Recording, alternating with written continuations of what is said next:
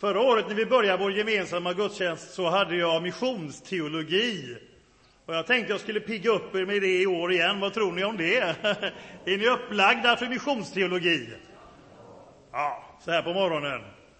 Med lite brittisk touch, om ni tycker så, med, av Leslie Newbigin. den store missions, hemgångne missionsnestorn. Lite kommer det här från hans eh, erfarenhet från Indien. Men vi börjar i Matteus 28 och vers 16 och framåt. Matteus 28 och vers 16. De elva lärjungarna begav sig till Galileen, till det berg dit Jesus hade befallt dem att gå. När de fick se honom där föll de ner och hyllade honom, men några tvivlade. Då gick Jesus fram och till dem och talade till dem och sa åt mig har getts all makt i himlen och på jorden. Gå därför ut och gör alla folk till lärjungar. Döp dem i Faderns och Sonens och den helige Andes namn och lär dem att hålla alla de bud jag har gett er. Och jag är med er alla dagar till tidens slut. Det här är Matteus version av missionsuppdraget, eller ibland säger vi missionsbefallningen. Jag vet inte hur ni känner för uttrycken uppdrag eller befallning. Vad tycker ni? Vad känns mest uppiggande här? Uppdrag, säger några. Ja. Mm.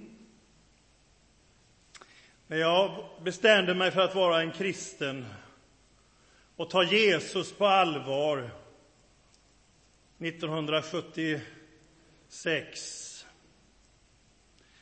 Då kände vi att världens evangelisering och Mölndals kommuns evangelisering, det, det hängde på oss.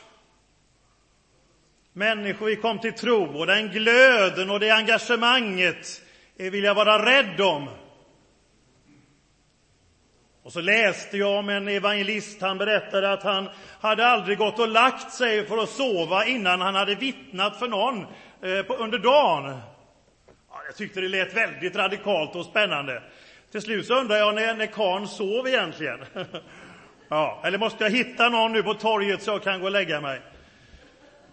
Det blev nästan lite kramp, men glöden var viktig, så det är inte det jag säger. Och så gick vi ut och knackade dörr. Har ni gjort den här spännande erfarenheten?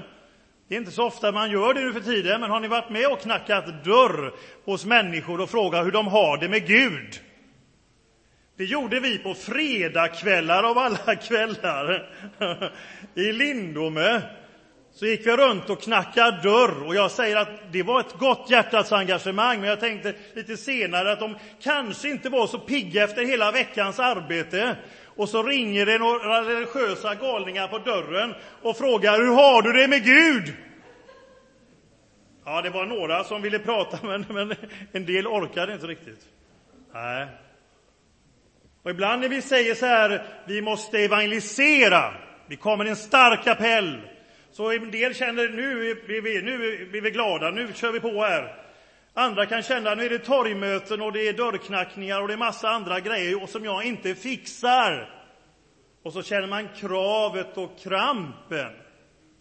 Har ni känt det någon gång? Världen går under och här sitter ni. Men vad läser vi i Apostlagärningarna? Ser vi någon tvångskommenderad skara? Vi har tolkning till spanska om någon undrar, så är det, så ni vet att det kommer dit också. Ja. Är det lagom hastighet, Per? Ja. ja. Vad säger vi med evangeliseringen och torget? Har vi känt kramp någon gång för detta? Ingen? Lite grann, kanske ibland. Men i Apostlagärningarna, vad står det? Var det en tvångskommenderad skara? När Petrus och Johannes är inför Stora rådet och man säger nu får ni sluta att tala om den här Jesus. Vi orkar inte höra mer på detta, nu får det vara slut. Vad säger de då? Vi för vår del kan inte Ja, vi för vår del kan inte låta bli att tala om vad vi har sett och hört. Vi kan inte tiga. Kan vi sjunga den? Kommer ni ihåg den? Vi för vår del kan inte låta bli att tala om vad vi har sett och hört. Vi för vår del kan inte låta bli att tala om vad vi har sett och hört. Halleluja, halleluja, halleluja, halleluja. Halleluja, halleluja, halleluja, halleluja. Vi kan inte tiga, står det. Och är det inte förbryllande och förunderligt att vad jag kan se i alla fall, ni får leta också, men jag kan inte hitta att Paulus en enda gång säger till församlingen att nu måste ni uppfylla er plikt och evangelisera. Han kan säga om sig själv, ve mig om inte jag förkunnar evangeliet. Kristi kärlek tvingar mig. Kristus har mig i sitt grepp. Men han lägger inte det inre tvånget på de andra. Han kan förmana, korrigera och uppmuntra. Men jag kan inte se att han skriver någonstans, nu måste ni evangelisera mera. Är det någon som hittat det istället? Hur kan det komma sig? Vad är det för någonting som ligger bakom att de inte behövde det?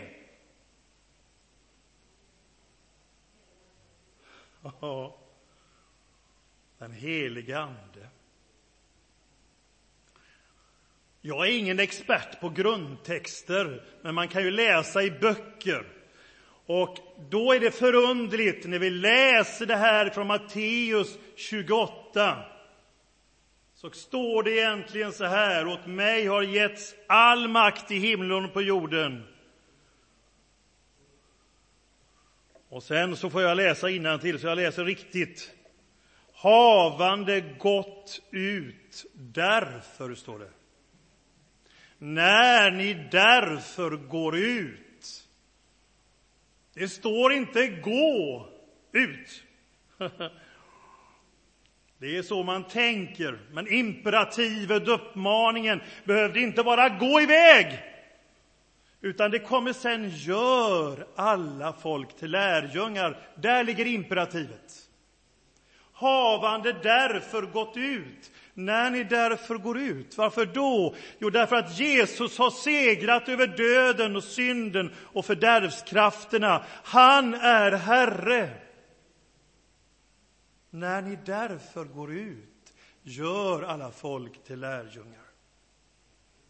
Då blir det bara så. Och sen är det, om man tittar i texten, löften. Vilket ord? Jag har frågat en gång förut, så nu kan jag fråga igen. Vilket ord är det här i Matteus 28 som kommer igen fyra gånger? Vad har vi för ord? Nu är det ett tag sedan jag läste det, så nu kan jag sätta er på det hala. Vilket ord har vi? Alla har vi. Åt mig har getts all makt. Det är grunden. Gå därför ut och gör alla folk, det är uppdraget. Alla etniska olika grupper, alla sorts grupper, alla sorts människor, alla folk. Och gör alla folk till lärjungar och döp dem i Faderns och Sonens och den helige Andes namn och lär dem att hålla alla de bud jag gett er. Det är helhetssynen. Hela evangeliet till hela människan i hela vår värld. Och så kommer löftet, jag är med er alla dagar, alla dagar och alla sorts dagar till tidens slut. Ibland har man läst det här och betonat förpliktelsen och kravet kan det ha blivit. Inte alltid liksom relaterat till Jesus seger eller löftet att han är med oss. Och då blir det tungrot. Men ser vi som det är så är det Jesus seger och hans löfte att vara med oss. Och hur är han med oss? Ja, det kommer tydligare fram i Lukas evangeliet. Och då läser vi där, i Lukas evangelium, i 24 kapitlet och ifrån vers 46. Kan vi slå upp, så ska jag ta lite vatten.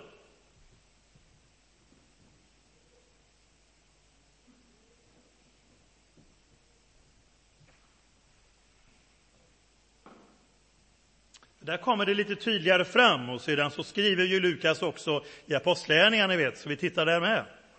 Men i Lukas så står det så här. Och Jesus säger till dem, detta är alltså vad skriften säger. Messias ska lida och uppstå från de döda på tredje dagen och syndernas förlåtelse genom omvändelse ska förkunnas i hans namn för alla folk med början i Jerusalem. Ni skall vittna om allt detta och jag ska sända er vad min fader har lovat men ni ska stanna här i staden tills ni har blivit rustade med kraft ifrån höjden. Och han tog dem med sig ut ur staden bort mot Betania och han lyfte sina händer och välsignade dem. Och medan han välsignade dem så lämnade han dem och fördes upp till himlen. De föll ner och hyllade honom och återvände sedan till Jerusalem under stor glädje och de var ständigt i templet och prisade Gud. Ni ska bli beklädda med kraft ifrån höjden, står det.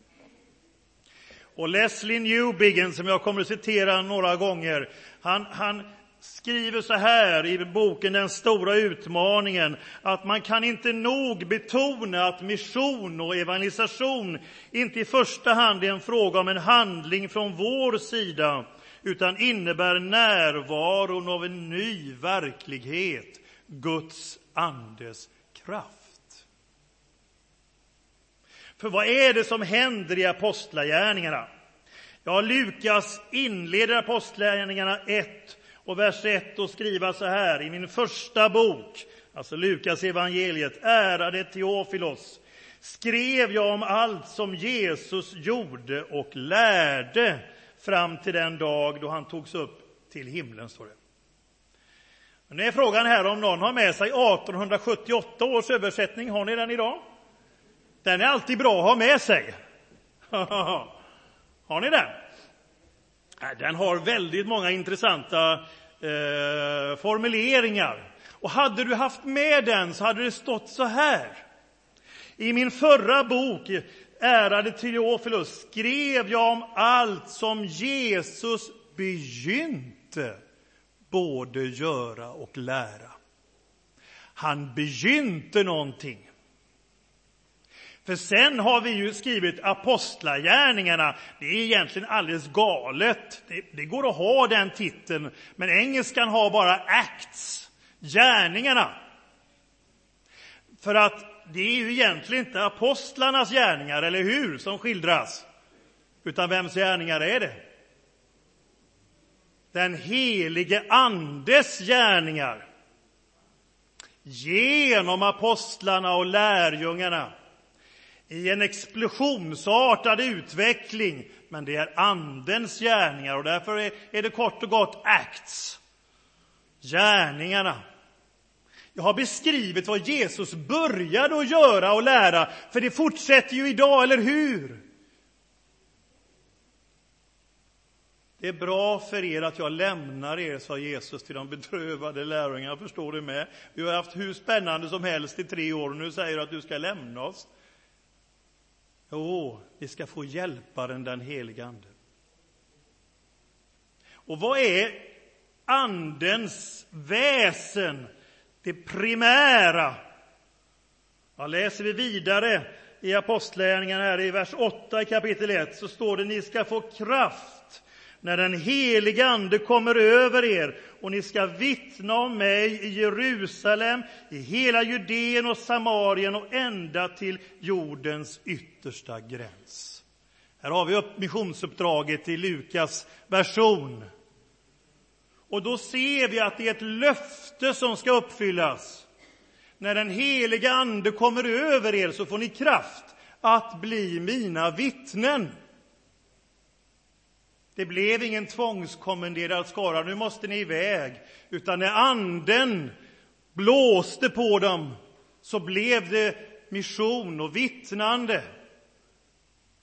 Flera av de stora predikarna i apostlärningarna, eller man kan tänka den första predikan, det var ju inte så att de tänkte apostlarna att det här var ju helt sensationellt som skedde på pingstdagen, för det var det ju. Och så tänkte de nu så ska vi organisera oss och nu kör vi igång här. Utan när anden kom över på ett förunderligt sätt så kom ju människor springande, eller hur? Och frågade vad är det som händer här? Hur kan ni vara så glada så här tidigt på morgonen? Ja. Har ni druckit lite jäst vin? Har ni druckit lite grann här på morgonen? Ni är lite uppgasade? Nej, säger Petrus. Vi har inte druckit något vin.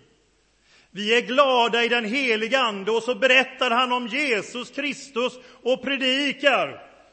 Och så händer det förunderliga att 3000 omvände sig och lät döpa sig för att få syndernas förlåtelse, den heliga Ande som gåva. Därför att Anden gjorde någonting. Och människor kom förundrade och frågade vad står på? Vad är det som händer? Och då säger Leslie Newbigin det är inte så att församlingen har ett uppdrag och en mission och att Anden hjälper oss att fullfölja det. Det är istället Anden som är den aktive missionären och församlingen, när den är trofast, den plats där Anden kan fullfölja sitt verk.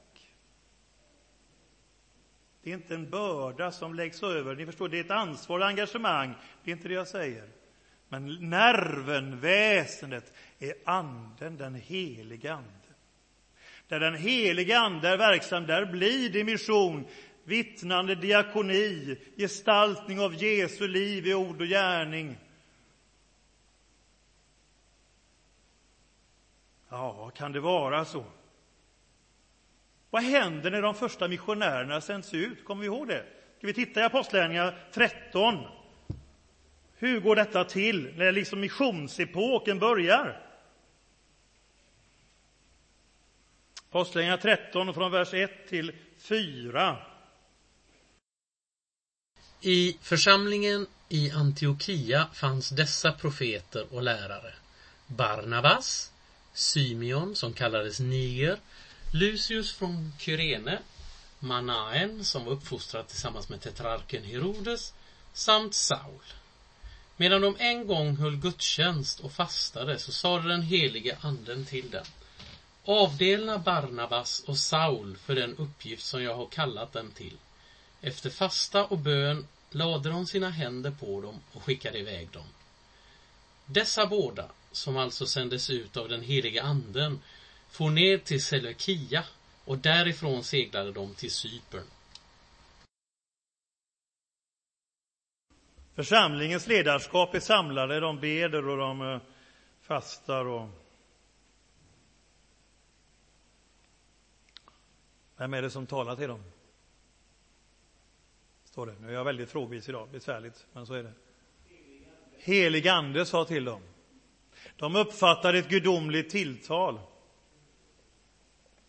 Helig ande konkret, avdela Barnabas och Saul för en uppgift som vem hade kallat dem till den?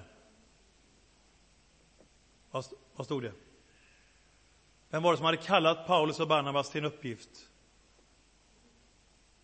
Som jag har kallat dem till, sa den helige Ande.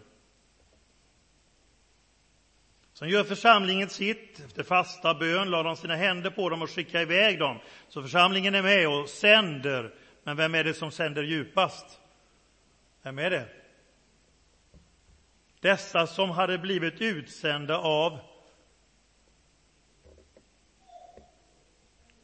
den heliga Ande, ja. Det är inte så besvärligt som det låter. Jag har kallat dem till en uppgift, säger den helige Ande. Och de blir utsända av den helige Ande, står det.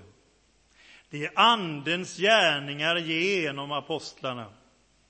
En bibelöversättning har faktiskt de blev den helige Andes missionärer, står det. Ja, det kanske låter lite överspänt. Vad har ni för missionssällskap här? Ja, vi har den helige Andes missionärer, är vi med om jag sa, det skulle ju kunna låta lite överspänt. Men det är faktiskt vad det är. Församlingen är med, de tjänar, de är lyhörda, men det är anden som blåser, anden som kallar, anden som utrustar och anden som sänder. Och så berättar Leslie Newbigin när han är missionär i många, många år i Indien. Och han är biskop i Madurai i eh, anglikans, för anglikanska kyrkan. Och så får han ett meddelande till sig från en by som han aldrig hört talas om, där det var 25 familjer som ville bli döpta. Hoppsan hejsan, jaha, vad, vad, vad härligt! Men så tittar han på kartan och vet de är uppdelade i olika stift och han ser att det var i Tranchore-stiftet någonting heter det. Jag kan inte säga det exakta, men eh, och då ser han att det var ett annat stift, så han skriver till den biskopen och säger att eh, jag har fått ett bud här om 25 familjer som vill bli döpta, så jag förstår att ni har evangeliserat där, så ni kan ju ta hand om det. Och då skriver biskopen tillbaka, vi har aldrig hört talas om detta. Nej, vi har ingen evangelisering där, det är bäst du går dit, åker dit själv. Så det gör han. Han åker till den här byn där det är 25 familjer som vill bli döpta. Och de berättar så här, att Först så kommer det ett hjälparbete, ett team dit för att göra en brunn och installera en elmotor och se till att byn får bra vatten. Och den som leder detta arbetet är en kristen ingenjör. Han berättade att han var kristen, men han var tystlåten, han sa inte något mer. Men de hörde det och de såg att han var en god man. Så går det en tid och en av byborna kommer i en stad i affärsärende och en kolportör, kommer ni ihåg det här fina ordet? Ja. En som säljer kristen litteratur och böcker, säljer ett Markusevangelium till honom och han tar med sig det hem till byn och börjar högläsa och de samlas runt honom och man läser och fascineras. Och så går det en tid till. Och sen säger Leslie Newbigin, sen kom det en sån här radikal evangelist som höll en eld och svavelpredikan, säger han. Ja. Jag vet inte om det finns såna längre, men då var det det. Och han hade ett kampanjmöte på kvällen och stannade över natten och for vidare direkt på morgonen. Men innan så lämnade han ut lappar till byborna som stod om du dör ikväll, var hamnar du då? Ja. ja, det var ju frågan. Om man funderar och tar det här liksom, ja, man reflekterar vidare. Och sen så är det så här att vi måste ta reda på vad det här om Jesus handlar om egentligen. Och då sände man bud några mil bort där man visste, hade hört att det fanns en kristen kyrka. Och de var, de var, där hade de i den församlingen en person som hade blivit skadad, som inte kunde delta i jordbruksarbetet, så de skickar honom dit. Och han stannar en månad, det är som en liten alfakurs. Han stannar där i en månad och svarar på deras frågor. Och sen är de redo att bli döpta och då sänder de bud på Leslie Newbigin. Och då skriver han så här. Sensmoralen i historien är tydlig om man hade samlat ihop ingenjören, kolportören, evangelisten och lantarbetaren till ett seminarium om missionsmetoder skulle de troligen haft olika åsikter, kanske vitt skilda. Men varandra ovetande hade de var för sig varit trogna i den uppgift som den helige Ande hade utrustat dem för. Strategin låg inte i någon människas händer och jag som biskop hölls alldeles utanför tills den stund kom då jag fick min uppgift att fylla. Det är den helige Ande som är den främste missionären. Vi har en andraplansroll. Mission är inte en börda som lagts på kyrkan. Det är en gåva, ett löfte till den kyrka och församling som är trofast. Befallningen stiger fram ur gåvan. Jesus regerar, åt honom är all makt given i himlen och på jorden. När vi förstår det ska vi inte behöva uppmaningen att göra det känt.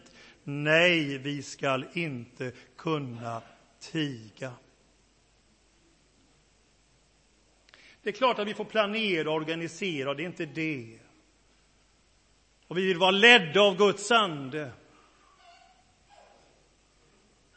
Vi kan aldrig riktigt, så att säga, se helheten av vår insats. Ingenjören där hade ju kanske aldrig en aning om vad det blev sen utifrån hans gärning där. Han kanske tänkte jag skulle ha sagt lite mer, jag skulle ha gjort det och så vidare. Men den helige Ande använde det och sen använde han kolportören, den som läste, frilansevangelisten. Han tyckte det var en hårdnackad by, det var ingen som omvände sig. Men det skedde någonting sen. Vi ser inte helheten. Vi gör vår del. Ibland ser vi konkret, ibland har vi ingen aning. Men vi gör det som är vår del, vår sång, vår uppgift. Och jag tycker det är så spännande i vardagen med möten med människor. Man ber att Gud ska leda en. Och man träffar människor i olika sammanhang. Visst är det spännande med den här himmelska tajmingen. Ni vet vad jag menar? Precis just på den sekunden eller inom den minuten så möts man och träffas och det blir ett samtal och det här förundliga. Hur kunde det sig att vi möttes precis just nu? Man ska matematiskt räkna ut, det blir jättesvårt sannolikhet. Men där den heliga Ande vill använda oss i vardagen. Ser vår trofasthet, vår villighet att stå till förfogande med det som är vår gåva. Det blir en annan Indiemissionär här, Stanley Jones, som var verksam också många år, metodistevangelisten och missionären. Han lekte med det engelska ordet responsibility och sa så här, apropå det här med tjänsten. Och han säger, this is not my response, but my, uh, this is not my ability, Uh, this is not my responsibility, but my response on God's ability.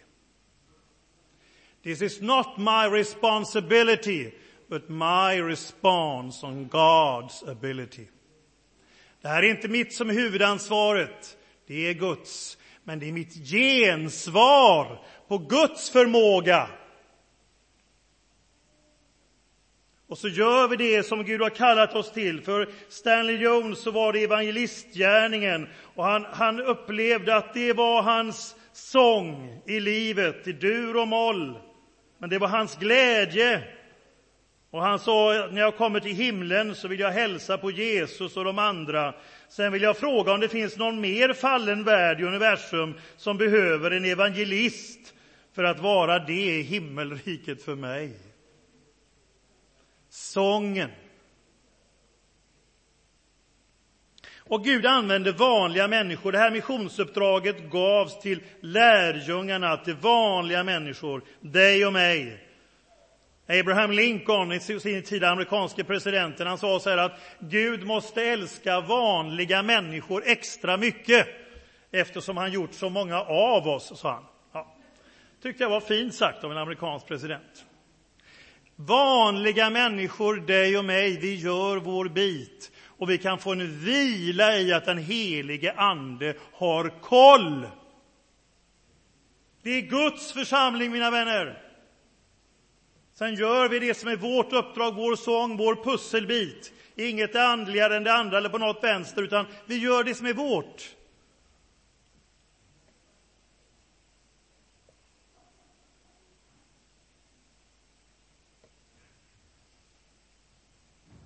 Ibland så har man till sist har man tänkt att om jag säger till den helige Ande, använd mig vart du vill, då skickar han mig till Grönland.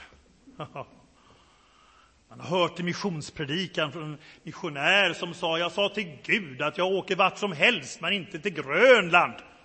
Nu kan Grönland säkert vara underbart, men det var som ett exempel. Ja, jag åker vart som helst, men inte till Grönland, säger missionären. Och var var han missionär någonstans? På Grönland naturligtvis. Ja. och då tänker man, om jag nu säger mig till Guds förfogande, då hittar han på någonting som jag egentligen inte vill. Skulle Gud vara sån? Nej. Han har ju ingen nytta av en sur missionär på Grönland som inte vill vara där. Eller hur? Utan, utan, utan han, då händer ju någonting i den personens hjärta. Anette och jag, vi sa i vår enkelhet, Gud, vi, vi, vi, eh, vi, vi vill tjäna dig här i Sverige, men vi skulle också vilja tjäna dig någon annanstans i vår värld, var som helst, där vi kan passa in. Så blev det fyra år i Centralafrikanska republiken. Fantastisk gåva till våra liv. Att få komma in och få göra Jesus känd både bland muslimer och pygméfolk och fantastiskt spännande. Och Anette hade känt, när hon låg inne för en behandling när hon bara var några år, tre, fyra år, och det kom en tant och sa du får du en liten peng, för hon fick ligga inne en månad. Och du får du en liten peng här som du kan köpa något gott för. Nej, sa hon, det ska jag ge till de fattiga barnen i Afrika, sa hon. Hon visste inte vad det men så var det. Det var tre, fyra år. Och sen 30 år senare och lite till så, så, där, så är vi där. Gud vill använda oss i vardagen, här och nu. Och det är spännande att samverka med Guds heliga Ande som vill ge oss kraften att vara hans vittnen i Mölndal och Göteborg och Västra Götaland och Halland och Sverige, Europa och utöver vår värld. Låt oss.